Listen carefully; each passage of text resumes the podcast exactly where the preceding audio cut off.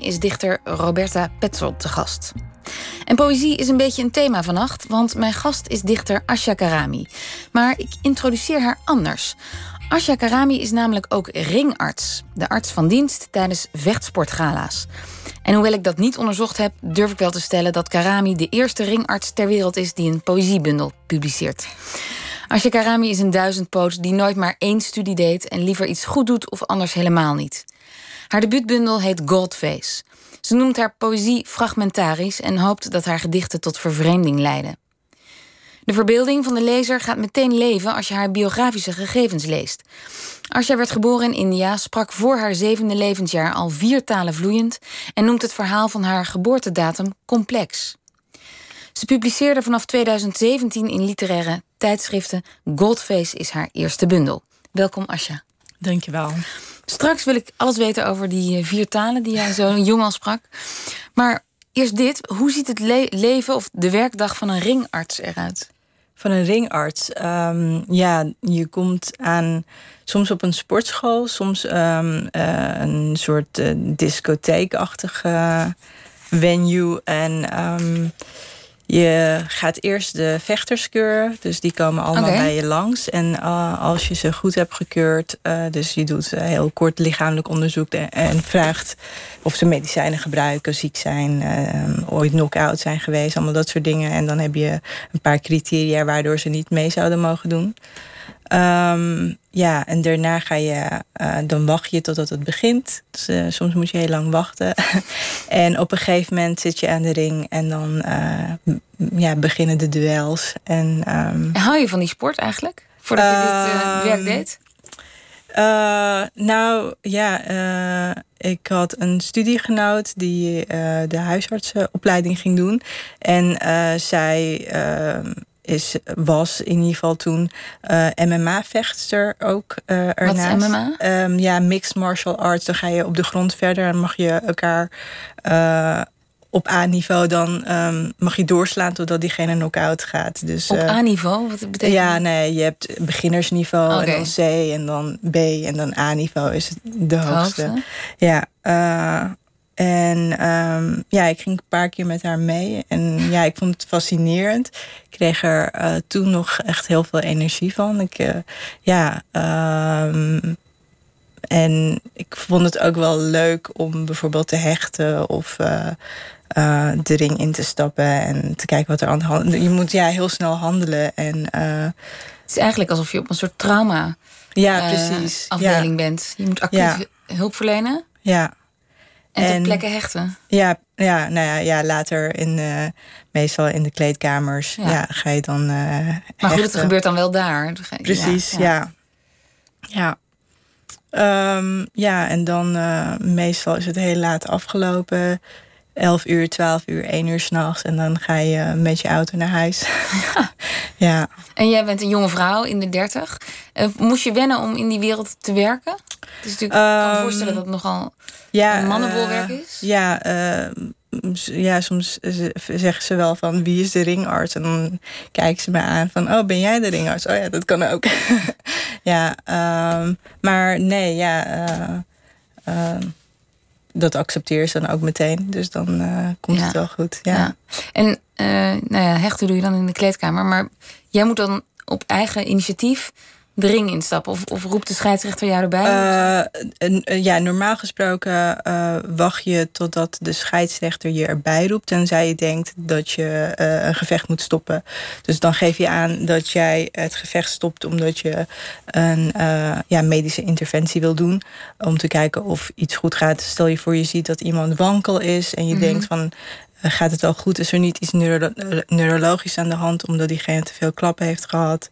Of uh, je ziet een scheur in een wenkbrauw waarbij de bloed te veel in de ogen komt of zo. Ja. Dus dan uh, meestal is de scheidsrechter uh, wel iemand die er bovenop zit en het vroegtijdig stopt. Dus je hoeft het bijna nooit zelf te stoppen. Nee. Ja, ja, dat gaat meestal goed. Ja. Nou, en, en die opleiding geneeskunde, die deed je al. En was je toen je begon met studeren ook al bezig met literatuur? Vochten schrijven en die studie mm. om voorrang? Ik, nou ja, ik, ik, heb, ik vond lezen altijd wel leuk.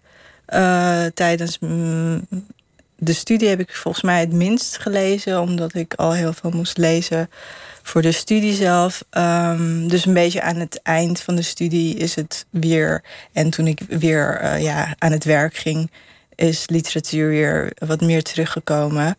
Uh, ik heb ook twee jaar, dat was tijdens de geneeskundestudie heb ik ook even fotografie gestudeerd. Dus ik, heb, ik was wel een beetje aan het zoeken van uh, hoe wil ik, wat wil ik doen. En Ik wilde wel iets erbij maken of zo. Ik wilde wel heel graag iets maken. Dus ik heb dat ook even geprobeerd en dat werkte niet. Ja. Want tijdgebrek of stond die opleiding je niet aan? Ehm, ja, allebei. Ik miste toen veel lessen, want ik ging uh, bij de uh, Koninklijke Academie in Den Haag. En ik woonde in Amsterdam, dus ik miste wat lessen.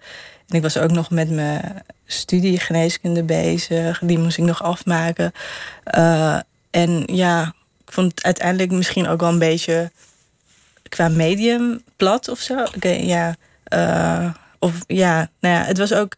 Uh, ik deed dan redactioneel en dat ging, dat was niet echt autonoom. Ik, weet, ik voelde me niet vrij ja. niet op je plek. Dus het, het werkte niet en het werkte voor je niet, voor mij niet. En, en was geneeskunde een eh, overtuigde keuze? Of twijfelde je al mm. van moet ik niet sowieso naar de kunstacademie of, of een schrijversopleiding doen? Ja, ik twijfelde wel, maar ik, ik, uh, um, ik hou wel van studeren. Ja. Dus ik dacht, oh, ik wil wel iets doen waarbij je nooit uitgeleerd bent. En ook waarbij je uh, in elk land uh, werk kunt vinden. Dus het was ook wel een beetje een soort veilige keuze. Mm -hmm. ja, dus ja, combinatie van veiligheid en altijd blijven leren. En ja, ik vind het ook wel fascinerend.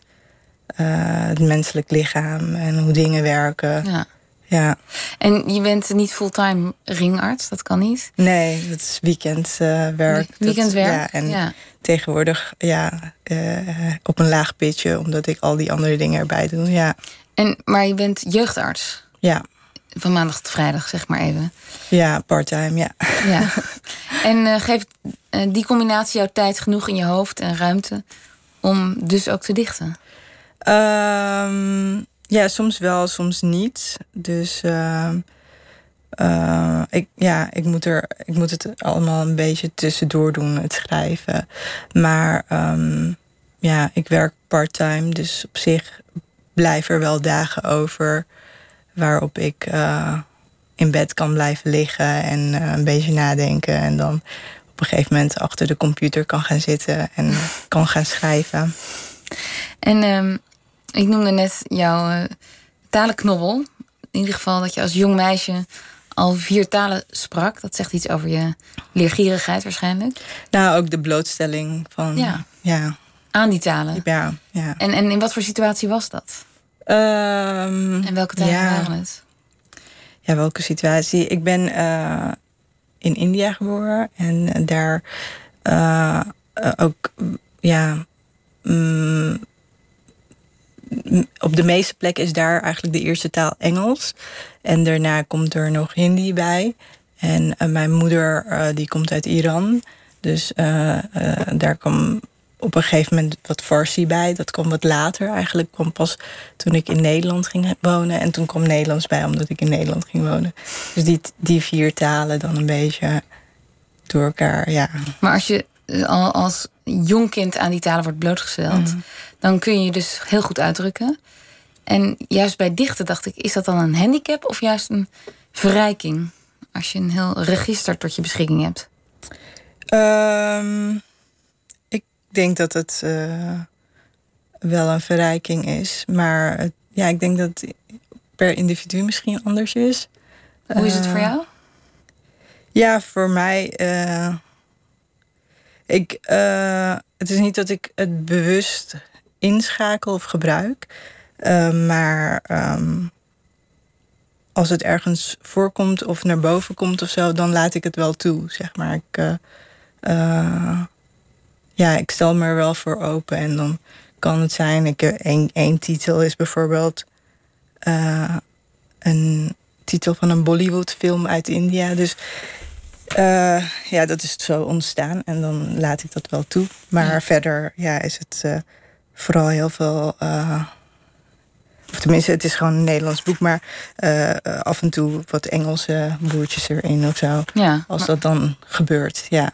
En kun je je voorstellen dat je volgende bundel, of een volgende bundel, bijvoorbeeld in het Engels uitkomt? Of in het Farsi? Nee, nee, dat denk ik niet. Ik, toen ik begon met schrijven, begon ik in het Engels, omdat ik heel veel Engels las. Maar dat werkte gewoon niet. Nee, uh, ja.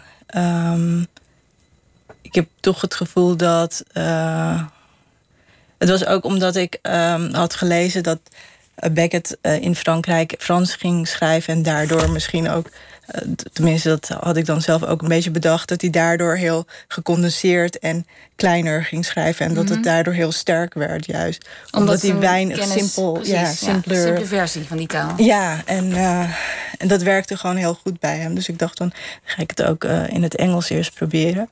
Uh, maar nee, bij mij werkte het toch niet. Het werd ook, ik weet niet, vervormd, maar misschien is dat juist wel goed. In het Nederlands is het, is het ook natuurlijk niet heel. Ja, ik weet niet. Het voelt wel een beetje atypisch volgens mij hoe ik schrijf. Maar ja, ja maar ik weet niet of moeilijk dat... om zelf in te vullen. nou, we gaan het zo uitgebreid over je poëzie hebben. Maar uh, de stijl die ik lees en die ik erin herken... ik kan daar niet van zeggen of dat nou komt... omdat je zoveel talen tot je beschikking hebt. Mm dat weet ik gewoon Ja, dat weet ik ook niet. Nee. lastig om te zeggen. Dat zou je onderzoek moeten doen. Ja, ja twee uh, verschillende mensen ja. nemen. Je, groeide, je woonde met je moeder in uh, India. -huh. uh, de eerste vijf jaar van je leven. En je moeder hield ervan om met jou te communiceren... op het niveau van een volwassene. Ze las je voor wat zij interessant vond. Ja. En niet zozeer nou, wat de populaire kinderboeken waren. Ja, volgens mij hadden we niet eens kinderboeken. Wat, las eh, je, wat bood ze je aan? Uh, wat bood me aan? Um, ja, van uh, ja, wat er nog. wat ik me nog herinner is um, bijvoorbeeld. Um, ze had wat ja, politieke boeken in Farsi die ze dan in, uh, nou, zij, eh, Engels is ook niet haar eerste taal, die zij dan een beetje in het Engels vertaalde voor mij. En uh, ja, dus daar las ze uit voor. En verder, ja, waar, waar verhalen die volgens mij wel kinderverhalen waren, maar een soort dubbele boodschap in hadden die dan politiek was. En dan ging zij altijd ook uitleggen wat uh, er politiek aan was en wat dan uh, de boodschap was. Dus kreeg altijd die dubbele lagen mee.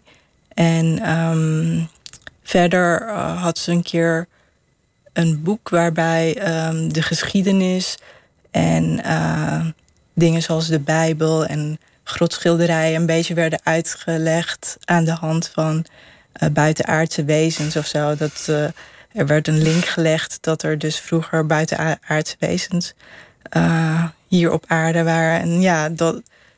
dat um, ze studeerde scheikunde en dan ging ze ook. Uh, uh, ja, Jouw voorlezen uit het scheikundeboek? Ja, ging ze me dingen daarover uitleggen, over atomen en, en, moleculen en zo. En kon je daar iets mee? Of vond je dat leuk? Wat herinner je ja, ervan? Ja, ja, ik vond het echt fascinerend. De wereld was wel echt groot en fascinerend en alles was mogelijk. En, uh, en ze bracht het ook niet bijvoorbeeld zo'n alien verhaal als een waarheid of zo, maar meer zo van: oh, kijk, uh, zo wordt het uitgelegd en dan ga je het samen een beetje onderzoeken, zo'n verhaal, en dan ga je er helemaal op in. En dan denk je van: oh, het is eigenlijk best mogelijk. Ja, en een paar maanden later is weer iets anders mogelijk. En dus dat, ja. Um, de wereld werd heel aantrekkelijk. Ja, vond ik wel. Ja, ik vond het wel uh, allemaal heel leuk om tot me te nemen.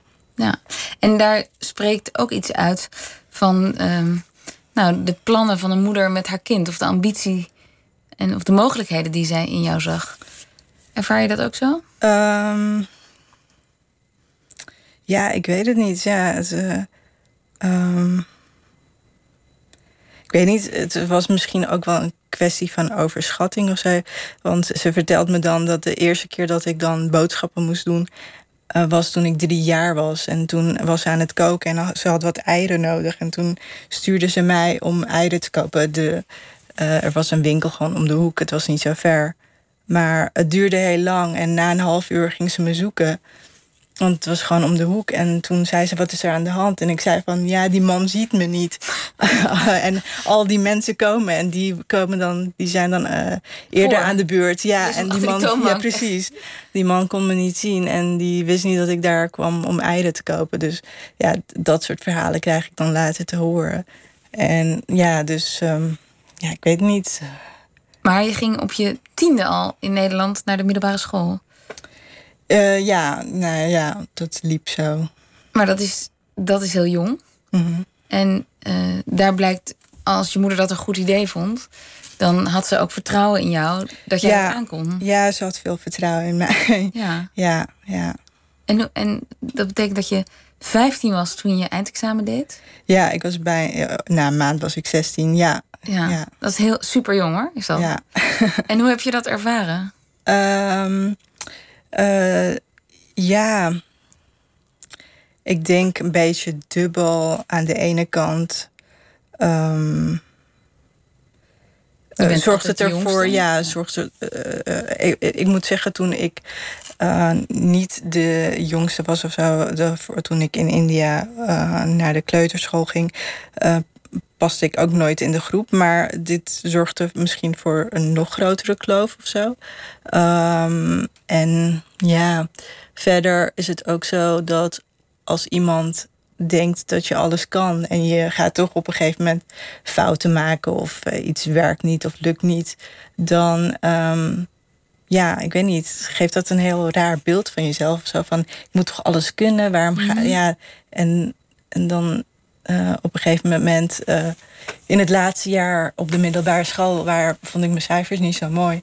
En toen had ik het ook gewoon opgegeven. Ik dacht, ik ga het volgend jaar nog een keer doen. Mm. Ja, omdat je wel van jezelf verwacht van ja, ik zou eigenlijk uh, met tien of zo moeten slagen en ja. niet met zes of zeven, nee. acht. Ja, dat, dat, was allemaal te weinig. Dus, Zelfs een acht was te weinig. Ja, toen heb ik het een beetje opgegeven. En, ja. Alles of niets mee?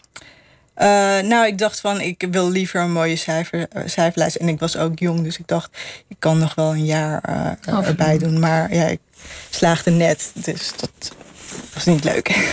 Maar de, de, het gevoel dat je dan hebt van, ja, het moet dus allemaal heel goed gaan. En dat, dat, dat legt ook een, een druk op je. Nou ja, het moet, nou, dat ik denk, ja, dat ik denk dat ik alles zou moeten kunnen. Ja. ja. En was dat met haar bespreekbaar? Um, ik, um, zoveel inzicht had ik toen niet. En zij ook niet. En um, nu heb ik het wel. En nog steeds is het natuurlijk moeilijk om uit patronen te komen. Want uh, uh, ik merk dat ik nu ook gewoon vaak dingen uitstel. Of ja, dingen ook precies wil hebben zoals ik het wil. Uh, en overal heel goed over nadenken ook. Uh, en uh, ja. en dat komt daar vandaan, denk je? Of heeft dat daar ja, te maken? Ja, ik denk het. Ik weet het niet, ja. Nee. Het zal ook gewoon een beetje... Ik denk dat misschien een ander kind met zo'n... Ik bedoel, ik heb een zusje en een broertje. Die zijn niet zo, dus... En ze hebben dezelfde moeder, dus het kan niet alleen maar aan mijn moeder gelegen hebben. ik kan haar wel de schuld geven, maar dat kan niet, nee. Nee. Ja. En hoe was het om uh, als tienjarige, uh, tussen twaalfjarige en later misschien ook wel dertienjarige, op zo'n middelbare school te zitten? Wat betekent dat voor je sociale leven? Had je vrienden? Meestal had ik één vriendin. En dat, zelfs op de kleuterschool in India zei mijn moeder altijd van... je had maar één vriendin of zo. En uh, ik, kon, ik kon beter met de vrienden van mijn moeder omgaan. Uh, ja, of juist met kleine kinderen. Dus later met mijn zusje en mijn broertje kon ik het beter met hun vinden en hun vrienden, vrienden dan leeftijdsgenoten. Dus dat was wel, ja, ik weet niet. Uh, ik voelde me misplaatst of zo. Dus ik Ja. ging meestal ook gewoon een boekje lezen in de pauze in mijn eentje onder de trappen of zo. En, ja, maar uh, ik had eigenlijk ook een bril nodig op de middelbare school, dus ik zag mensen ook niet. Letterlijk. Ja, Ja, dus ik herken de gezichten niet zo goed. Uh, dat maakt het ook wel moeilijk om, ik weet niet, een band op te. ja. Maar kijk je erop terug als een, als een, uh, een tijd waar toch een schaduw over lag, als je dit zo vertelt? Of mm, had je er niet zo'n last van? Even kijken. Ja, wat voor schaduw bedoel je dan? Of ik me bijvoorbeeld eenzaam voelde of niet? Ja, als je het idee hebt dat je altijd op je tenen moet lopen. Ja, ik weet niet. Ik heb het gevoel dat het ook bij die leeftijd hoort. Dat je als. Uh, ik kan me bijna niet voorstellen om als tiener je niet eenzaam te voelen. Dus ja, voor mij uh, gold het op een bepaalde manier wel. Mm maar niet op een manier. Ik vond het niet erg of zo. Ik vond het. Uh, ja, ik kijk er ook niet. Eh, ik heb geen pijnlijke herinneringen nee. eraan, maar ja. Ik had wel het gevoel dat ik gewoon niet, ja, geen aansluiting had of nee. uh, anders was. En nee. ja. We gaan het hebben over je bundel Godface. Mm -hmm. Een glimmend gouden bundel met hele sierlijke, dunne, bijna daardoor on, ja, uitgerekte bijna onleesbare letters erop. Prachtige omslag. Zeker. Um, je hoopt dat jouw po poëzie tot vervreemding aanzet. Wat oh, dat heb ik echt niet gezegd. Dat heb ik nooit gezegd. Oh, dat heb ik gelezen. Nee, um, nee ik heb, ik heb uh, wel volgens mij een keer twee jaar geleden gezegd dat ik um, mijn eigen gevoel van vervreemding uh, misschien een beetje tot uiting breng. Of dat ik dat. Uh, um, ja, misschien erin stop of zo. En je hoopt dat de lezer dat herkent? Um, ik probeer niets te hopen en te kijken wat anderen straks ervan gaan vinden en wat zij dan gaan terugkoppelen erover. Um, ja. Maar wat, wat betekent die vervreemding voor jou? Of wat bedoel je ermee? Ja, wat, nou. Mm, het is meer. Uh, uh, ik denk ook gewoon door hoe mijn eigen leven is gel uh, gelopen. Ik, ik schrijf niet vanuit een soort vaste grond, vanuit een soort duidelijke um, gezichtspunt of zo. Dus mm -hmm. ik, ik beweeg me dan een beetje in de ruimte ertussen en probeer dus een beetje intuïtief, onderzoekend te kijken mm, naar de wereld, naar uh, dingen die gezegd worden, dingen die ik zie. En um, ja, dat, dat kan soms vervreemdend zijn als je dan echt iets goed onderzoekt of zo. Wat, uh, hoe, hoe mensen met, ja, met elkaar omgaan of uh, hoe ze. Um, hun eigen identiteit zien of aan welke dingen ze hun eigen identiteit koppelen. Mm -hmm. um, ja, als je daar uh, goed naar kijkt en ook hoe uh, vervreemd we, nou ja, de meeste van ons zijn van ons lichaam of van natuur. En... Maar wat bedoel je dan met die vervreemding? Als je het hebt over vervreemd zijn van je lichaam, wat bedoel je daarmee? Um, nou, er zijn gewoon allerlei regels. Je, uh, ik kan nu. Uh, ik kan niet, niet, nu zomaar boeren of ik weet niet. Het is gewoon. Ik heb, ik ben, ik heb uh, nu kleding aan en. De codes. ja, de codes. En daar. als je dat zonder nadenken doet, dan vind ik dat vervreemdend of zo. Of als je daar niet. Oh ja. Niet, dan vraag jij je af, waarom doe ik dat eigenlijk? Uh, ja, bijvoorbeeld. Ja. ja. Of uh, waarom hebben we dat afgesproken? Wat zegt dat dan over ons? En wat proberen we dan te verbergen? Mm -hmm. Of uh, um, wie heeft er baat bij om, zeg maar, dat, dat we dat hebben afgesproken? En soms is je poëzie ook heel concreet. Gaat het over ervaringen die je in het dagelijks leven meemaakt? Soms is er een zinnetje. Um, als dat gaat over comments liken op sociale media. En nou, veel concreter wordt het niet. Ja, het is best direct eigenlijk. Ja, dat, En, en op andere momenten is het juist uh, heel intuïtief en gaat het over gevoel. Kun je een gedicht uh, voorlezen? Ehm, ja, dat is goed. Ehm, ik zou voorstellen het gedicht over de HEMA. Daar heb je gewerkt. Ja, daar heb ik Wanneer gewerkt. was dat? Uh, dat was na de middelbare school. Toen wist ik niet uh, wat ik moest met mijn leven. ja, toen heb ik. Uh, en dan eindig bij de, de, foto's. ja, het was heel leuk bij de fotoservice. Want ik ging naar de foto's van de mensen kijken die dat daarin tijdens. Ja, ik werkte bij de 1 uur service. En dan moest je die foto's dus afdrukken daar ter plekke. En dan kon je even kijken. Want, ja, en wat zag je? Misschien mag ik dat niet zeggen, dat weet ik niet. Oh, nee. Ik denk dat ik de enige persoon ben die dat doet. Niemand doet dat. en, en wat vond je daar interessant aan? Uh, ja, nou ja, kijk, dat is ook weer zoiets. Uh, dan uh, zie je iets wat je normaal nooit ziet. gewoon vakantiefoto's of een verjaardag of soms pikante dingen of zo. Dat, en, um, en dan zie je van, oh, daar, dat, ja, het is toch vreemd dat zo'n mens dan zo'n eigen leven heeft. En, uh, en uiteindelijk zie je ook dat het eigenlijk best allemaal voorspelbaar is of zo. Je ziet nooit iets heel vreemds of zo. Hoe, ja, hoe nee, eigenlijk hetzelfde we zijn. Ja, Vakanties. Uh, hoe ja. gelijk we eigenlijk aan elkaar staan. En waar gaat dit gedicht over? Ik leerde haar kennen bij de HEMA. Ja, um, ja het is wel een beetje geïnspireerd op toen ik daar werkte. En um, ja, verschillende dingen heb ik erin gestopt. Ik zal het gewoon voorlezen. Doe dat. Ik leerde haar kennen bij de HEMA. Zij vleeswaren, ik de fotoservice. Alleen als ze praten wist je dat er iets mis was. Ze wilde iedereen groeten en lachte constant. Ik kroop naar haar toe. Ik was blij toen ze vertelde dat ze emigreerde. We hadden niets gemeenschappelijks, behalve werk en onze fascinatie voor complottheorieën. Ze bleef me opzoeken.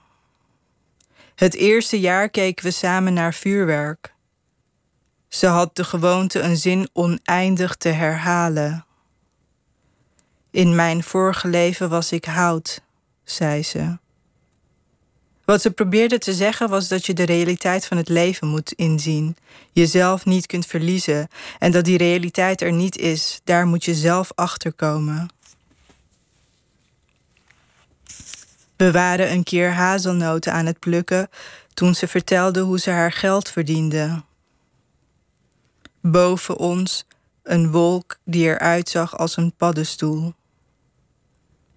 Om haar gerust te stellen zei ik dat ik af en toe rookte. De laatste keer was ze zwanger. Alleen verse haring wilde ze. We kochten een hijabi voor haar ongeboren dochter. Daarna verloren we contact. Op aanraden van Snowden stapte ik over naar Signal.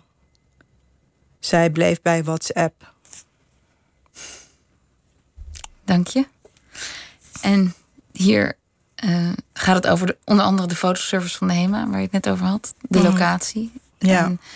En, um, dan hoor ik iets heel poëtisch over hazelnoten plukken. En dan eindig je met het verschil tussen Signal en WhatsApp. Je noemt je poëzie fragmentarisch. Geldt dat ook voor dit gedicht? Um, iets minder. Iets minder. Dit is wel goed, uh, zeg maar, um, op elkaar volgend, uh, verhalend. Ja, dus dit, dit, nee, dat geldt voor deze niet zo. Ik, maar ik moet wel mee in jouw gedachten.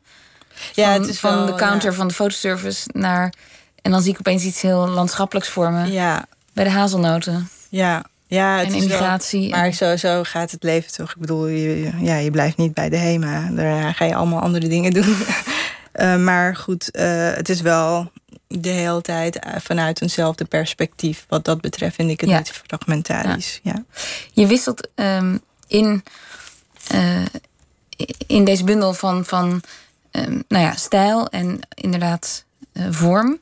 zit ook een soort dialoog, theaterdialoog in.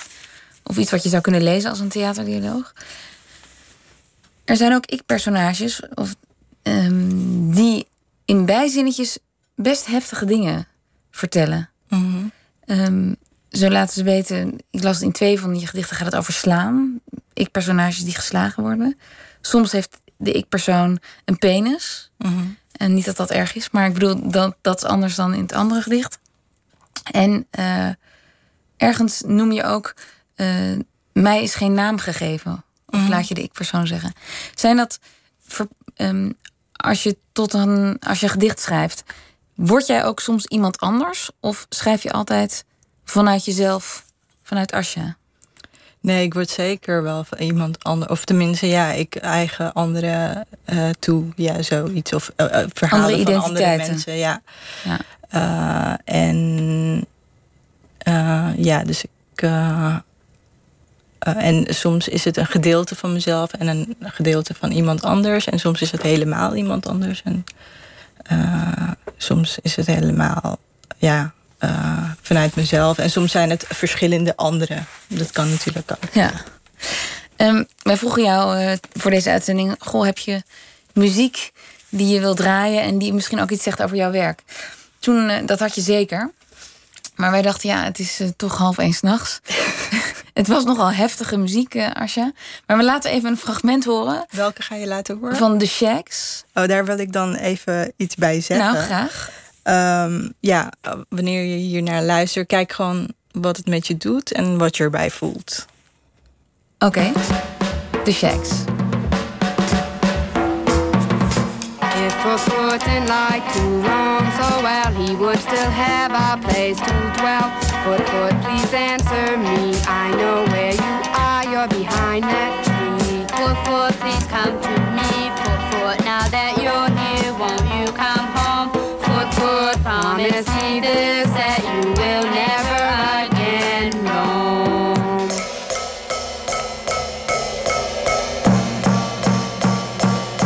The Shacks. My Pal Food Food. We laten niet het hele nummer horen. Uh, wat inspireerde jou hier aan? Hierin? Uh, nou ja, uh, ja, dit is een bandje. ja, Amerikaans bandje opgericht door de vader van een paar meisjes. Eerst drie en daarna kwam er een vierde zus bij. Maar het zijn dus zussen um, die. Ja, waar, waarbij de vader eigenlijk de band oprichtte omdat zijn moeder. Um, haar hand was ooit gelezen en er waren wat voorspellingen gedaan. En de eerste paar voorspellingen waren uitgekomen. En uh, de laatste voorspelling was dat zijn dochters wereldberoemd zouden worden als muzikant. Um, ja, dus daarom dacht hij van nou, de, de, de rest is ook uitgekomen. Dus zij gaan ook wereldberoemd worden. En dat zijn ze ook geworden.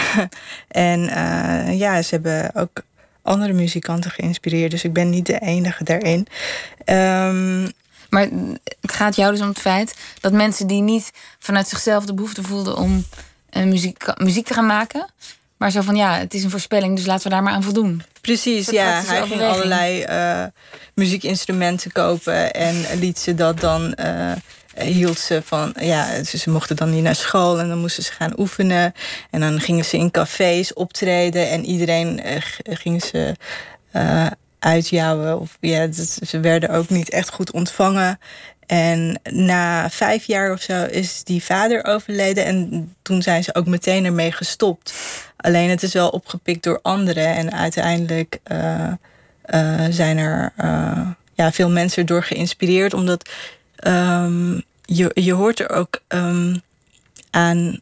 Het, het is gewoon heel, hele vreemde muziek. En, Wat hoor je daar? Uh, nou, wat ik.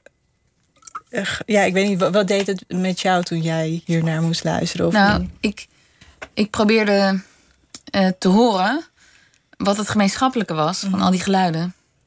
Om heel eerlijk te zijn. Ja. Ik hoorde niet echt een. Ik hoorde nog niet een verhaal. Misschien moet ik me dan mhm. even opsluiten in een kamer en langer naar deze muziek luisteren. Maar het was voor mij nog niet meteen duidelijk wat ze, wat ze wilde vertellen. Ja, nou ja, wat het met mij doet, is het, het, het is gewoon best wel vervelend muziek. En je denkt van, oh, uh, en je wilt het bijna snel uitzetten. En dat vind ik interessanter aan, omdat het dan wel iets zegt over wat, hoe wij muziek zien en dat er allerlei regels zijn voor muziek. En uh, dat, uh, dat er dus eigenlijk voor kunst, wat vrij moet zijn en waar alles zou mhm. mogen, dat dat eigenlijk helemaal niet zo vrij is. En dat daar wel regels en verwachtingen aan ja, vastzitten. En, um, maar de vraag is.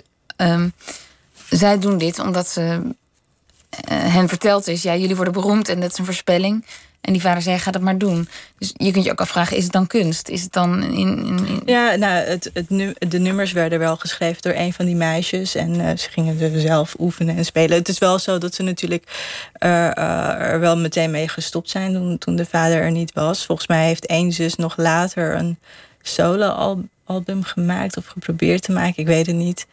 Um, maar um, ja, ja, ik moet zeggen dat, dat dat ook niet klinkt alsof ze er lol in hebben. Of Beetje plichtmatig ja, of zo. ja, ja. ja. kan het dan iets worden, is de vraag. nou, het is wel echt iets geworden. Ja, nee, het is. Um, ik weet niet. Um, uh, uh, het is ook een soort durf of zo. Dat ze hiermee ook. Um, ze hebben toch wel echt een LP opgenomen. En mm -hmm. ze mhm. zijn ook wel echt uh, gaan optreden ermee. En uh, dit is gewoon hun muziek. Dit is gewoon wat, wat uit hun is gekomen. Dus het, is, het, het heeft ook wel gewoon iets uh, origineels en eigens, vind ik. Uh, ze hebben ook niet, kennelijk ook niet echt nagedacht over wat nee. ritme of nee. is, of wat vals is of wat niet. En, en, en vind jij dit een aantrekkelijke manier van werken? Wil jij ook zo dichten? Ik vind het interessant ja, ik vind het wel interessant om erover na te denken. Ook na te denken wat het met je doet. En in hoeverre je zoiets toelaat. En in hoeverre je dus uh, uh, ruis en um, uh, dingen die juist niet mee resoneren of zo. Dingen die eigenlijk er niet bij horen, dat je die wel toelaat of zo. En um, waardoor het misschien in eerste instantie misschien ook ja. wel iets vervelends heeft of zo. Ja. Ja. Ik, toen ik jou net introduceerde en die tekst schreef, vond ik het heel leuk. Want er, zijn jouw biografische gegevens spreken tot mijn verbeelding. En um, jij zegt, ja, ik heb daar eigenlijk veel minder mee. Ik vind uh, zo'n zinnetje als, ja, als het over haar geboortedatum gaat, dan noemt zij het complex. Dat roept bij mij allemaal vragen op. Jij vindt dat eigenlijk irrelevante vragen? Kun je daar iets over ja. vertellen? Nou ja, um, ja, de vraag is van waarom. Uh, wat zegt dat en waar, waar uh, maakt dat het makkelijker om mij te plaatsen? Denk je dat dat. Uh, dat je daarna mij dan beter zult begrijpen als je weet wat mijn geboortedatum is of waar ik geboren ben of zo. Dat, dat zegt gewoon niet zoveel. Dat, ja, voor mijn gevoel verdoezelt het meer omdat er um, allerlei gedachten aan um, hoe oud iemand is, uh, zijn gekoppeld aan waar iemand geboren is, is gekoppeld. Op zich is het wel. Um, ik, ik moest een keer mijn poëtica uh, presenteren bij een evenement. En dat is ook wanneer ik al die dingen had gezegd. Uh, over die vreemding? Nee, over oh. uh, ja, dat ik dus vier talen oh, ja. Ja. heb geleerd voor mijn zevende. En um, dat ik drie keer van naam ben veranderd. Dat heb ik toen gezegd, omdat het feit dat ik wel verschillende namen heb gehad, dat dat. Um, en ik ben ook een denker, dus ik heb er ook over nagedacht. Van, dat zorgt er natuurlijk voor dat je dan merkt dat het eigenlijk wel raar is dat we gewoon één naam hebben en niet elk jaar misschien een andere naam of zo. En, uh, dat Want, het... want wat, wat is de context? Was dat voor jou een eigen keuze om die naam te veranderen? Uh, de laatste keer wel, ja. Toen heb ik dat zelf uh, gedaan. Ja, gedaan. En waardoor was dat gemotiveerd? oh, toen wilde ik gewoon de naam van mijn moeder. Oh ja. Ja. maar het, maakt gewoon dat ik dus daardoor misschien minder heb kunnen hechten aan een naam. En dat uh, zorgt er natuurlijk wel voor dat je anders naar een naam kijkt of naar een taal kijkt. Of dat geen enkele taal meer echt jouw taal is of zo. En dat je daardoor ook niet eh, je identiteit daaraan koppelt. Of dat je, ja. Want is een van die vier talen die jij zo jong leerde spreken jouw moedertaal? Droom je in verschillende talen bijvoorbeeld? Ehm, ja. Uh, ja, want uh, omdat ik mijn dromen opschrijf, er zitten ook dromen in de bundel. Um, er zitten 16 dromen in, in de bundel. Uh, daardoor heb ik gemerkt dat ik wel in verschillende talen droom. Ja. ja. Dus, En, maar dan heb je dus niet één moedertaal. Maar die informatie zegt mij wel iets over um, nou, jouw ontwikkeling. Of hoe jij inderdaad naar fenomenen als taal kijkt. Of ja. identiteit misschien zelfs. Uh, nou ja, um, de, het, het feit dat, dat er verschillende talen waren, wel vind ik, maar niet uh, welke talen het nou precies waren. Dat, dat weer niet. Um, en aan de andere kant zijn er misschien ook wel andere mensen die ook vier talen aangeboden hebben gekregen, maar um, zich wel identificeren met één taal. Of dat ze wel het mhm. gevoel hebben dat, dat uh, die ene taal van hun is, of dat, uh, dat ze zich daaraan willen verbinden. Dus het is ook misschien persoonsafhankelijk hoe je dat ja. ziet en invult. En maar voor mij um, ja, heb ik het gevoel dat er allerlei associaties ontstaan bij een ander. En zodra je denkt dat je het weet, dan ga je geen vragen meer stellen. Dus zodra je denkt van, oh, diegene is in India geboren, dus oké, daar zijn deze dingen aan gekoppeld, dan ga je niet meer doorvragen, want je hebt het dan al ingevuld. Ik denk dat ik dat het meest vervelend eraan vind, dat er dan niet meer nagedacht wordt, maar ingevuld. Ik denk dat er ook een kant aan zit als ik mij dingen afvraag, als ik lees dat het verhaal van jouw geboortedatum complex is, dan triggert mij dat omdat ik daar dan een romantisch verhaal bij verwacht. Of een. Ehm, en en dat, dat tart mijn nieuwsgierigheid. En jij zegt, ja, dat doet er helemaal niet toe. Nee, nee, maar. Um... Vind je het raar dat ik die vraag stel eigenlijk? Want wat is de vraag nu? De vraag is: waarom is het verhaal van jouw geboortedatum complex? Um, het staat op de website van de uitgeverij. Dus het, het, het, zegt wel iets over jou, want anders stopt het daar niet. Ik neem aan dat het niet tegen je wil daar hebben opgeschreven. Nee, uh, nee dat, dat, dat had ik dus tijdens een poëtica um, heb ik dat uh, zo um, verwoord. Ja, maar dat is het gewoon. Het, was, het is complex, inderdaad. En punt. Ja, dat is toch al voldoende om te weten. Ik weet niet wat ja, we, we, nou ja. Um, misschien uh, waren jullie op een exotische vakantie. Ja. Waardoor uh, je, niet op tijd, je moeder niet op tijd uh, jou kon aangeven. Ik zeg maar wat. Mm -hmm. dat is het. Meer, ja, meer maar wat maakt het allemaal? Ja, wat maakt het uit? Wat, ja, ik vind niet dat de verhaal er verder toe doet. En soms sommige verhalen kun je ook niet vertellen, omdat het niet alleen je eigen verhaal is. Dus dan. Um, kun je alleen zeggen dat het complex is, omdat je dan ook met andere mensen te maken hebt. Mhm. Ja. Nou, dan laten we het bij uh, complex. Ja. En het is ook wel. Uh, kijk, mijn nieuwsgierigheid is nog steeds niet bevredigd. En dat is ook goed, want dan uh, blijf ik geïnteresseerd. Wil je nog een gedicht voorlezen? ja, dat is goed. Um... En kun je, voordat je het gaat lezen, vertellen waar het voor jou over gaat? Oh, dat is een moeilijke. Um...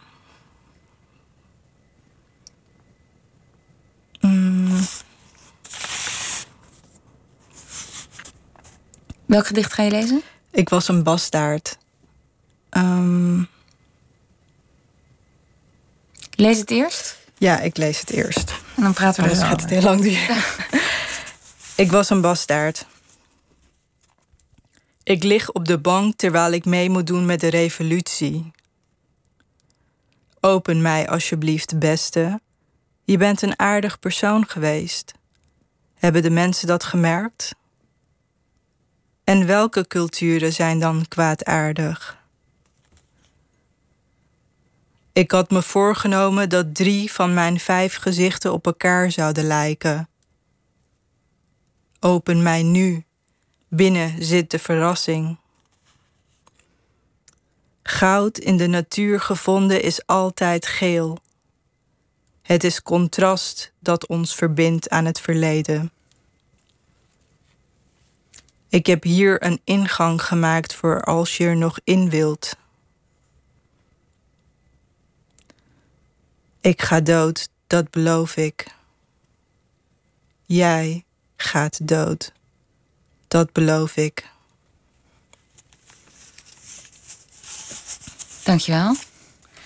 En waar gaat dit gedicht voor jou over? Of welke thema's raakt het? Ja, hier zit echt uh, te veel in om op te noemen. Kies er één. Het is dus heel fragmentarisch. Ja, dat vind ik heel lastig om te zeggen. Dit is heel erg intuïtief ontstaan. En, um, en dan blijven er gewoon regels over die ertoe doen of zo. Is veel langer, maar. Weet je nog op wat voor moment je dit gedicht schreef? Uh, ja, wel een soort. Um, dat je inderdaad zo in bed ligt of op de bank en het gevoel hebt dat je iets moet doen, maar niet weet wat en hoe. En dat je aan de ene kant de wereld helemaal wil veranderen, maar ook zoiets hebt van, nou, dat gaat niet gebeuren, of dat kan ik niet, of dat in, uh, waarschijnlijk in mijn leven gaat dat niet gebeuren. Dus um, een beetje vanuit zo'n gevoel, denk ik. En, en waar komt het woord bastaard dan daarbij, bij dat gevoel? Mm. Ja, ik weet niet. Bastaard is gewoon uh, een ongewild kind, on, uh, niet geaccepteerd. Uh, en dus dat past er gewoon voor mij gevoel bij. Ja. Bij aan de ene kant de wereld willen veranderen en aan de andere kant denken, nou ja, waar, waar moet je beginnen? Ja. Ja, ja en ja, dat je. Het is ook een soort aanklacht of zo. Ik weet niet waar tegen, maar misschien ook tegen jezelf. Dat je niks doet, terwijl je het misschien wel. Ja. Ja, ja. en ook tegen, de, ja, ja. tegen een soort ander. Je hebt meer uh, muziek meegenomen. Mm -hmm. Dit keer gaan we wel het hele nummer uh, luisteren. Ariel Pink met Strange Fires.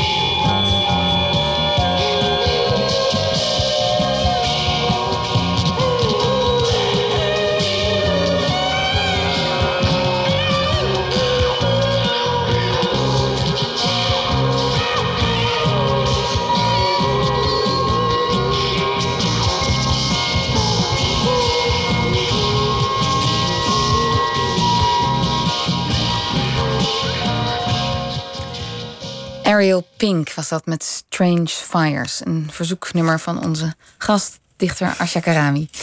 Um, Asha, je bent je nu aan het verdiepen in psychedelica. Geestverruimende middelen. Ja, verdiepen is een groot woord. Ja, ik ben er wel uh, wat over aan het lezen. Um, ik ben... Wat, wat fascineert je daaraan? Wat wil je erover uh, leren? Ik ben sowieso wel geïnteresseerd in uh, het onderbewustzijn en andere vormen van bewustzijn. Dus ik, uh, ik heb ook eerst Jung gelezen, verschillende werken van hem. En um, ja, en ik ben een beetje door een bepaalde schrijver uh, dan beland in het lezen over psychedelische ervaringen. Um, nou ja, wat ik er interessant aan vind en ook uh, aan het onderbewustzijn, um, is dat, dat, ja, dat, dat je dan ook weer uit um, je normale patronen wordt gehaald of zo. Dat er iets. Je, je wordt er echt even uitgerukt of zo. Of je ziet de wereld even heel erg anders. Je kan het natuurlijk ook met, uh, uh, in, in, ja, met meditatie misschien bereiken. Uh, dat is dan uh, een, een, langere weg. ja. um, uh, maar ja, dus dat. ja, eigenlijk uit je geconditioneerde gedachten daaruit gaan. Dat, ja, dat vind ik wel interessant. En ja. En ga je die ervaringen ook zelf aan? Je hebt nu, dat was laatst in het nieuws, die, ik kan die naam niet uitspreken, oh, maar die thee, die Ayush, ja, ik heb, uh, ik, heb, ik heb dat volgens mij een keer uh, tijdens het rijden naar mijn werk uh, gehoord op de radio. Maar dat was echt zo'n één zinnetje of zo. Mhm. Volgens mij ayahuasca. Ja, dat was. En ik weet niet wat, er, wat, wat het verhaal daarachter is, wat er precies is gebeurd. Dat weet ik ook niet. Maar nee, nou ja, in ieder geval dat, dat het niet veilig genoeg geacht wordt. Um, nou ja, volgens mij hebben we veel meer doden met door alcoholvergiftiging en uh, uh, de gevolgen van alcohol en rook. En die, dat zijn niet verboden middelen. Ik denk dat het juist gevaarlijk is als het uh, niet goed gereguleerd wordt. En, Ondergronds gaat. Ja, ja. ja. Maar, goed, maar, als je dan dat, zo'n thema als die geestverruiming onderzoekt, ga je, dan, ga je dan die ervaringen zelf ook aan? Nee, nu nog niet. Ik ben nu vooral met meditatie bezig. En uh, ik heb ook wel een yogaopleiding in het verleden gedaan. Uh, dus, Welke opleiding doe, heb je eigenlijk niet gedaan? ik doe het een beetje op de langzame manier. Maar um, dat, dat komt ook gewoon omdat ik um, verantwoordelijk werk heb. Dus dat is gewoon een beetje lastig ja. om, om dan echt alles uit te proberen. En als je op dinsdagochtend binnenkomt en zegt... ja, heb een enorme trip gehad vannacht. Dat, ja, en dat, het ligt bij artsen misschien toch iets anders, ja. Nee, precies. En je weet natuurlijk niet wat voor effect het uh, op je zal hebben. En het hangt er een beetje vanaf uh, hoeveel hersteltijd je hebt en dat soort dingen. Of je zoiets wel aan wilt gaan. Maar um, ik vind het wel interessant om over de ervaringen van anderen te lezen. En um, dat... Um, zorgt er voor mij ook voor dat mijn fantasie en uh, ja, dat, dat ik me daar toch wel uh, wat bij kan voorstellen. Ik heb in het verleden wel eens een, uh, een soort angstaanval gehad na Spacecake toen ik jong was. dus dan, je weet wel gewoon wat. Je, je hebt een paar van die dingen wel eens meegemaakt in je leven. Dus je kan je wel wat bij voorstellen. Hmm. Dus ik vind het wel fascinerend. ja. En heeft dat ook te maken met schrijven? Hoop je daar dan een soort andere vorm van inspiratie door te krijgen? Of, of, je, of de zoektocht daarnaar, krijgt het nog een beslag in, uh, op papier? Nou ja, uh, het, ja het, ik, weet, ik weet niet wat eerder komt of wat erna en wat, uh, wat, wat voor doel ik dan precies heb. of het meer uh, dus het uitzoeken is of het schrijven erover uiteindelijk. Maar uh, uh, ja, um, ik bedoel, ik merk gewoon dat als ik uh, een tijd niet mediteer, dat de dromen ook gewoon wat anders zijn. En dat, ja, of um, wat voor week je hebt gehad en zo. Dus ik ben daar gewoon allemaal mee bezig. Dus en dan verwerk ik dat omdat ik ook mijn dromen noteer. En soms gebruik ik daar ook dingen uit. Dingen uit. Dus dan ja, het, het is gewoon in elkaars verlengde of zo, onderzoek en schrijven. Dankjewel, Asja Karami. Hier moeten we het bij laten. Nee, dankjewel. Ja, bedankt. Je bundel Godface komt, wordt morgen gepresenteerd? Ja, 15. En uitgegeven bij ja. Bezig bij. Ja. Mooie dag morgen. Dankjewel. dankjewel. Straks na het nieuws hoort u De Verloren Tijd, een serie van poëzieplatform Perdu. Dat straks.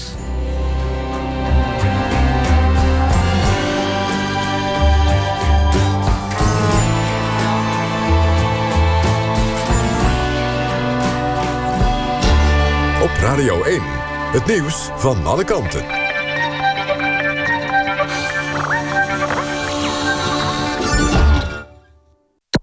NPO. 1 uur, Levi van Eck met het NOS-journaal. Het is niet meer na te gaan of er in 2001 daadwerkelijk mond- en klauwzeer is geweest in Kootwijkerbroek. Drie deskundigen zeggen dat bij test destijds is afgeweken van de voorschriften... staat in stukken in handen van Omroep Gelderland. Hiermee lijken de boeren gelijk te krijgen in hun jarenlange strijd. Volgens hen is er nooit sprake geweest van een grote MKZ-uitbraak. In Kootwijkerbroek en omgeving werden in 2001 zo'n 60.000 dieren geruimd. De boeren hopen nu dat de rechter oordeelt dat de dieren destijds onterecht zijn afgemaakt. Op Curaçao hebben twee mensen zich bij de politie gemeld... die ervan worden verdacht dat ze een Nederlands meisje hebben beroofd... vastgebonden en in zee hebben gegooid. Het gaat om een man van 29 en een vrouw van 33. Ze melden zich bij de politie kort nadat er beelden waren verspreid.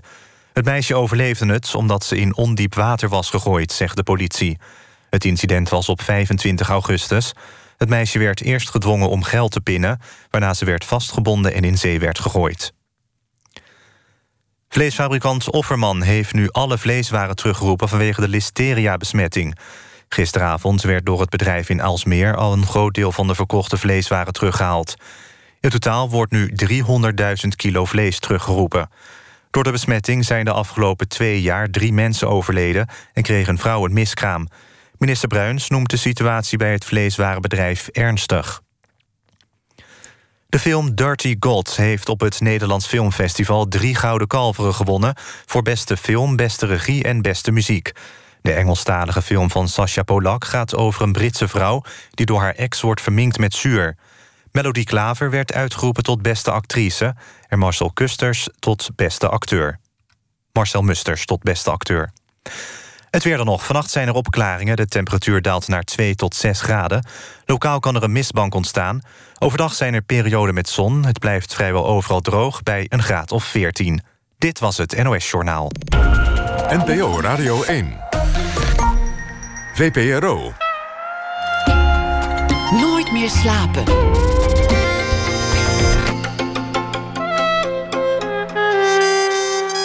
Met Liesbeth Staats. En welkom terug bij Nooit meer slapen.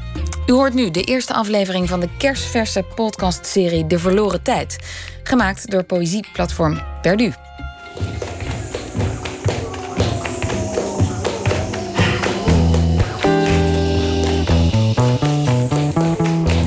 Je luistert naar De Verloren Tijd. Een literaire podcast van Perdu. Wij vragen dichters, schrijvers en woordkunstenaars om werk te maken aan de hand van een speciaal voor hen gekozen geluid. En gaan met hen in gesprek in het Perdu Theater aan de Kloveniersburgwal in Amsterdam. Iedere aflevering hoor je een nieuw literair audiowerk. Literatuur die niet op een pagina, maar in je oren past. En dan nu het geluid van deze aflevering.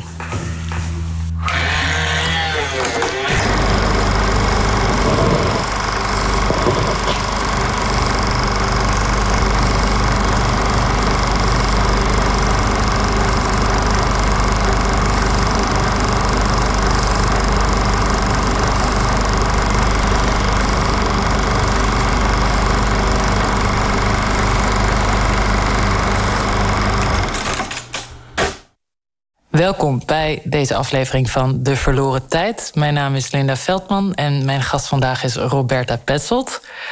We zijn hier in de theaterzaal van Perdu. Welkom, Roberta. Dank je. Je bent dichter, kunstenaar, actrice. Dit jaar won je de C. Bunningprijs voor je poëziedebuut Vruchtwater Vuurlinie. En vandaag ben je hier om het te hebben over het werk dat je voor ons maakte aan de hand van het fragment dat de luisteraars zojuist al even hoorden. We gaan er zo naar luisteren. Is er iets dat je de luisteraars wilt meegeven voordat we dat doen? Um, dat ze het geluid goed hard moeten zetten of een koptelefoon op moeten doen. Bij deze gaan we nu luisteren.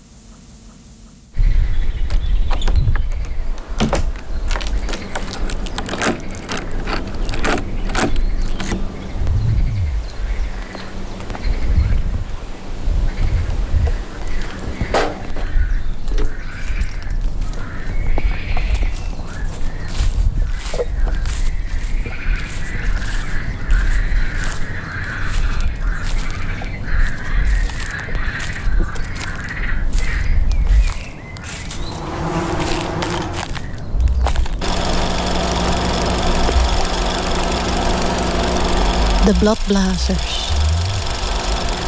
De hijzende blaasboten. De zoemende vlieg. De laagvliegende tuigen. Kettinggezaag. De borende buurman. De plakkerige vlieg. De bovenhoofd lopende buurvrouw. Bezoek. Naheffingen de goede bedoelingen. De in het zicht vliegende vlieg. De telefoon. Het netwerk. Het internetwerk. De altijd beschikbare informatie. De onvolledige informatie. Het sociale netwerk. Het asociale netwerk. De media, de multimedia, de micromedia, het baanlandschap van uitgeholde gemeenplaatsen de statistieken, geplande werkzaamheden, recent onderzoek, de bellende buurman, de over je gezicht lopende vlieg, trainingsdoeleinden, het autoalarm, het oefenalarm. Dit is een oefening. Minuscule reden voor paniek. De vetvlek, cookies, de gapende gifbult, de kwaaie tand, de tandeloze draak, graaf, graag, graaf, weet ik veel, vampier voor kinderen. De dode vlieg.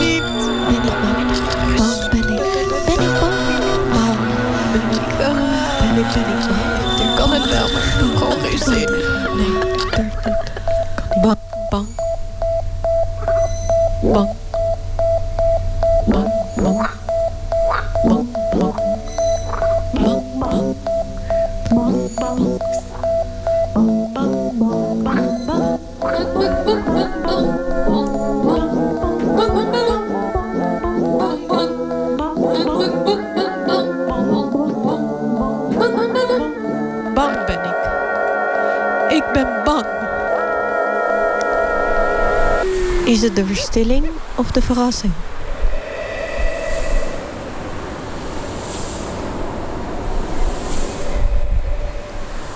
Of is het het nee-schuddende blad in de wind met de regendruppels, waar de alomtegenwoordige zon zich in spiegelt? Wat is dit gevoel van complexe leegte?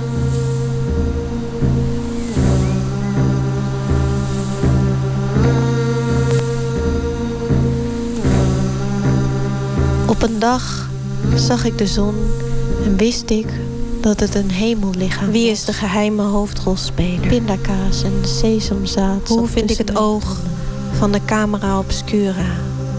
Hebben de vogels een hemellichaam? Is het mijn lichaam dat altijd verandert? Eerst met een genadeloze snelheid en nu sluipend. Is het de trein die de wijken van de werkers en de werkelozen hun dagelijks ritme geeft? hun kopjes in de keukenkastjes trillen doet. Wat zit er in de oersoep? Hoe smaakt de oersoep? Wie wat redt mij? Wat is de lijn langs de kijken? Dat is mijn vraag. In welke bus zijn mijn hersenen gestapt? Vingerwijzing van een loze belofte. Is het de donder of de bliksem die de helers van de Andes treft. Wat redt mij? Of zijn het juist de kikkers die de donderwezens aanroepen met hun kwaken, lichamen drijvend in een sensuele poel van kroos en zomer? Hoe smaakt de oersoep? Filosofische uitstapjes voor fruitklichtjes.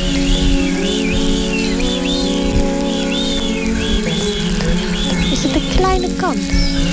De katapult van David.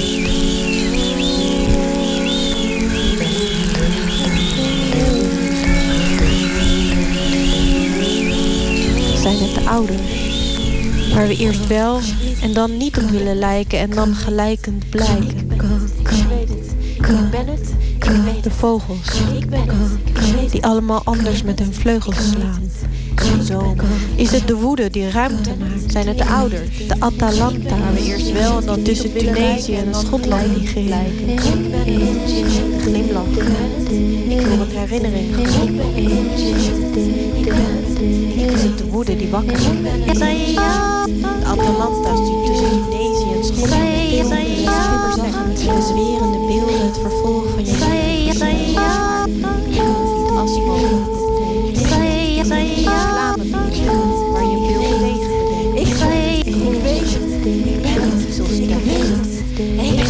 Ik weet het. Ik ben het. Ik weet het. Ik ben het. Ik weet. Ik ben het. Ik weet het. Volksgenoten voorspelde. Zijn het enkele woorden die in tijden van crisis naar klaarheid wijzen. De kleine kans, de katapult, de klepperlandschap vervaardigd houtwerk. De gordijnen die na een verpletterend toneelstuk gaan. Darwin's missende wervelkolom. De liefde van een kind die geen tijd nodig heeft, maar zich ook niet hecht. De pogingen muziek te maken. De pogingen weg te komen. De pogingen om het leven te veranderen. Ik weet het, ik ben het, ik weet het.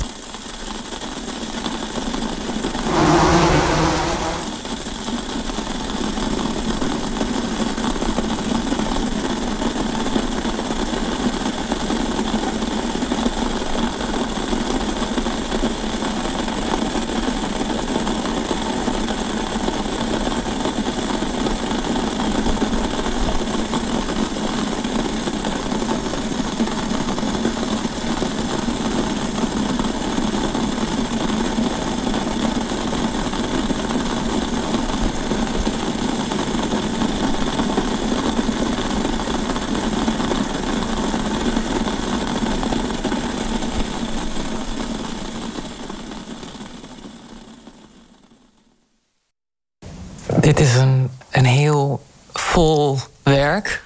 Het begint met een, um, een opeenstapeling. Van beeld naar beeld naar beeld. Je hebt duidelijk heel veel uh, materiaal verzameld. En je hebt ook stukken ingezongen. En het begint eigenlijk alsof je door de tijdlijn van je sociale media scrolt. Eindeloos en met lichte tegenzin, denk ik. Het sociale netwerk. En vervolgens zeg je: Ik kan het wel, maar ik heb gewoon geen zin. Ik kan het wel, maar ik heb gewoon geen zin. Kun je daar iets over zeggen? Dat zinnetje is voor mij, hoort dat heel erg bij het stukje waar uh, over de angst gaat. Dus ben ik bang, bang ben ik. Ben ik, ben ik bang. En dat is zo'n soort van zinnetje wat je als kinderen tegen elkaar zegt. Als je probeert te verbloemen dat je eigenlijk bang bent om iets te doen. Van, ja, tuurlijk kan ik dat, maar ik heb geen zin. en dat, dat zinnetje is voor mij ook weer eigenlijk wat je ook ergens tegen jezelf vertelt als volwassene. Van dat je ergens voelt dat je dingen zou moeten doen of uh, bepaalde veranderingen zou willen maken in het leven. En dat je denkt, ja, dat kan ik wel, maar ik heb er nu even geen zin in. Dus dat je dat uitstelt.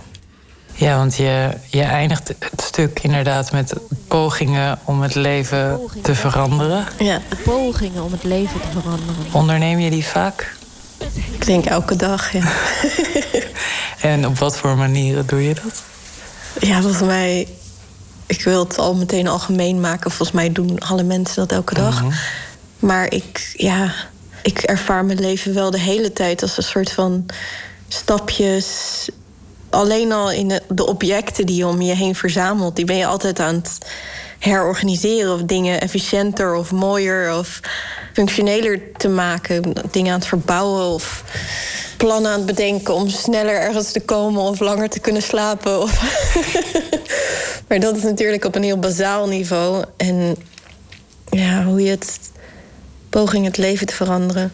Ja, en natuurlijk ook inderdaad weer op de sociale media, wat je daar allemaal deelt, wat je belangrijk vindt en hoe je probeert eigenlijk om andere mensen hun bewustzijn te beïnvloeden met dingen die je deelt of dingen die je mooi vindt of te helpen herinneren aan wat belangrijk is of zo. Nu klinkt het alsof ik allemaal motivational quotes daar post. Dat is niet het geval, maar en natuurlijk met je met, met het maken van um, beelden of geluiden of kunstwerken probeert het leven ook te veranderen. Ook voor jezelf, denk ik, om op een bepaalde manier iets te vangen en expressie te geven van, een, van jouw unieke uh, perceptie die je als mens hebt.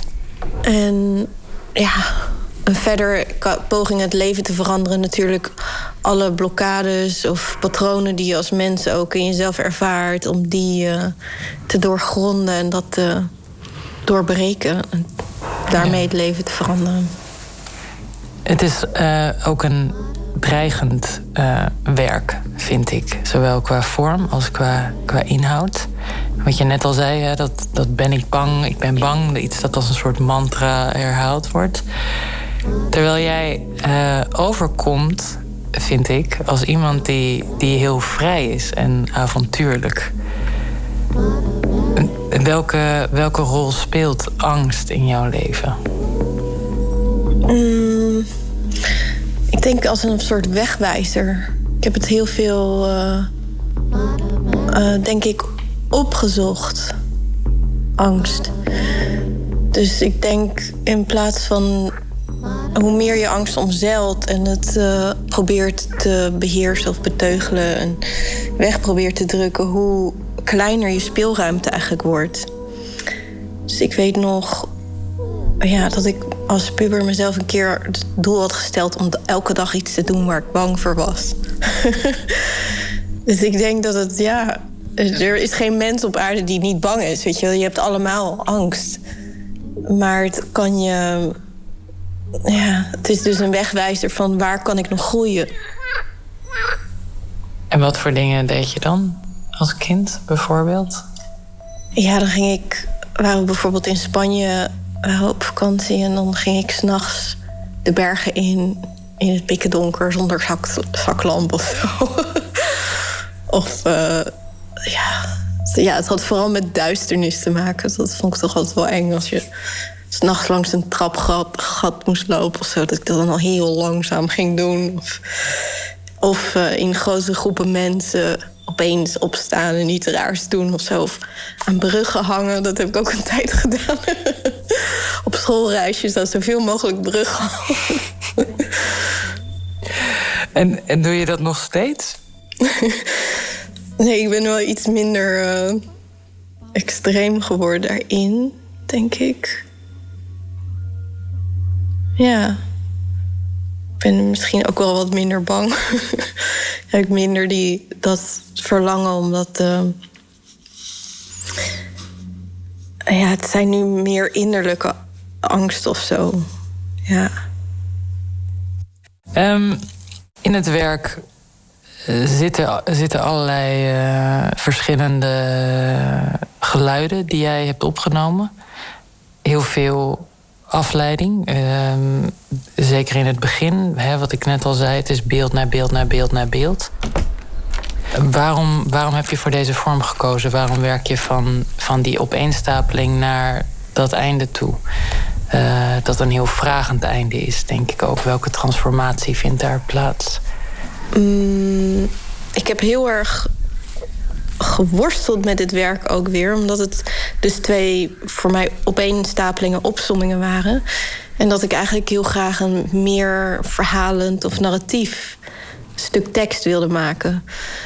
Um, maar ik, ja, ik ervaar het maken van iets ook heel erg als. Um, dat je toch ook op een bepaalde manier nederig moet zijn naar wat zich aandient, wat zich wil uh, verteld wil worden.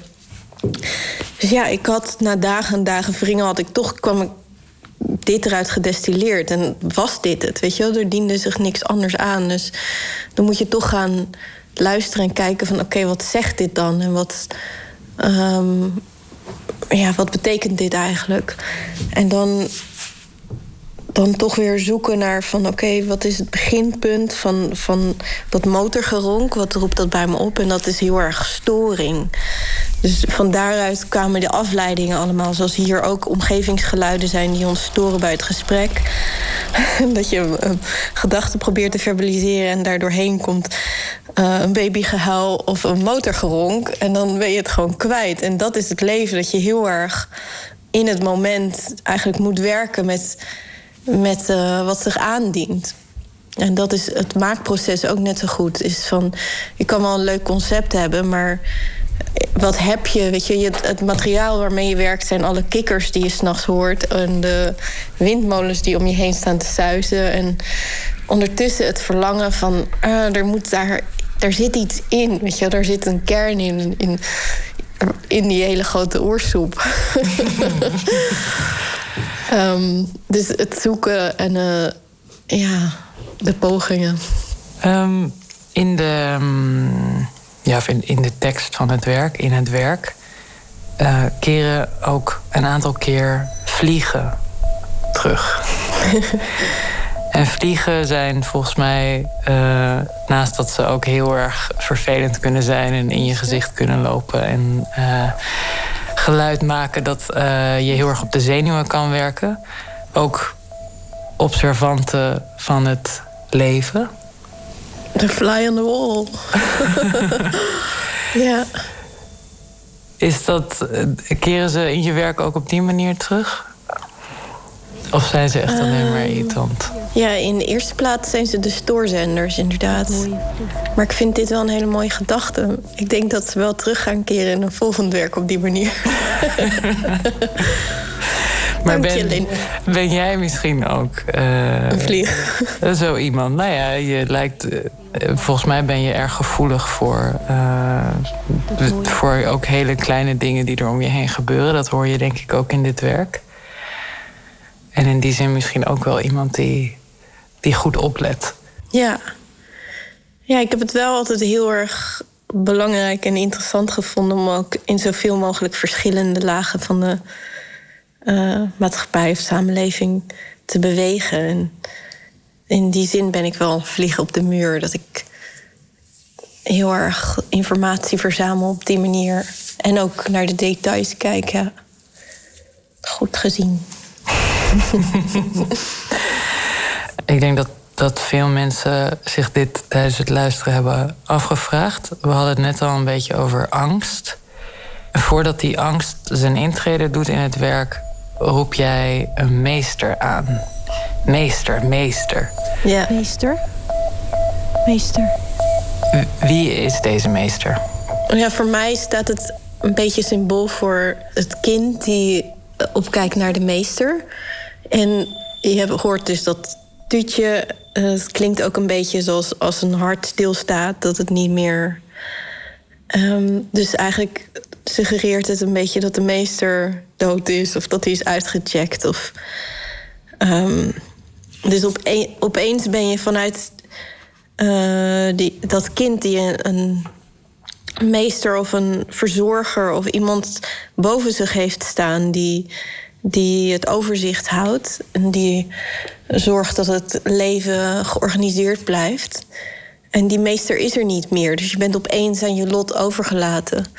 En dat is een soort van um, inleiding naar de angst. Van, uh, dat je opeens eigenlijk soeverein bent of verantwoordelijk voor jezelf.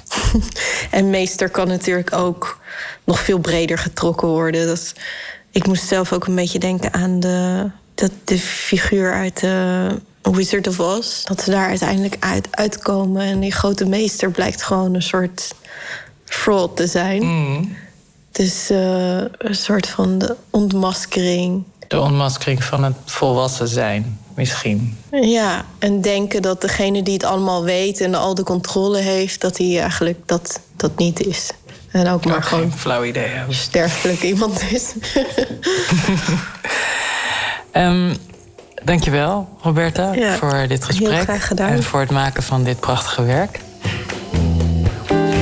Dit was De Verloren Tijd. Een podcast van Stichting Perdu. Platform voor poëzie en experiment in Amsterdam. Bedankt voor het luisteren en tot de volgende Verloren Tijd. Deze podcast kwam tot stand met steun van het Amsterdams Fonds voor de Kunst en het Nederlands Letterenfonds.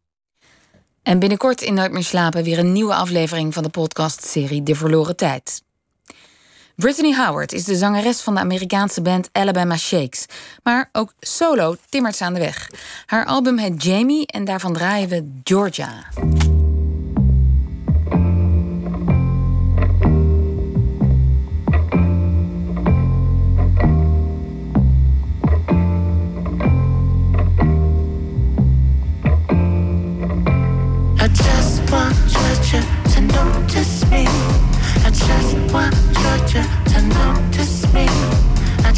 Want but you to notice me.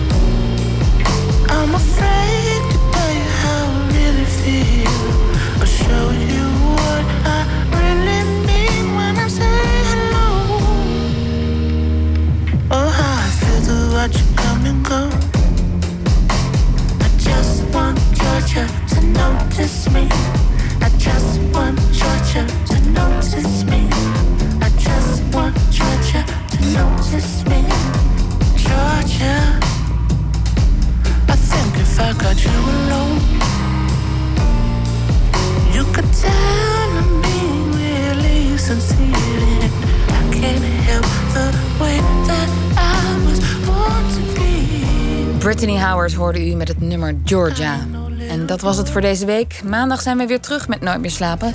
Dan gaat Pieter van der Wielen in gesprek met drummer Han Benning. Hij is een van de grootste namen in de free jazz en geïmproviseerde muziek.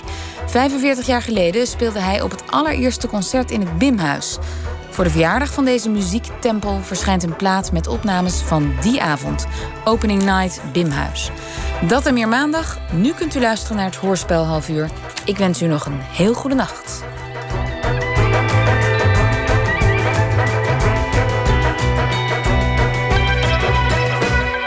Op Radio 1, het nieuws van alle kanten.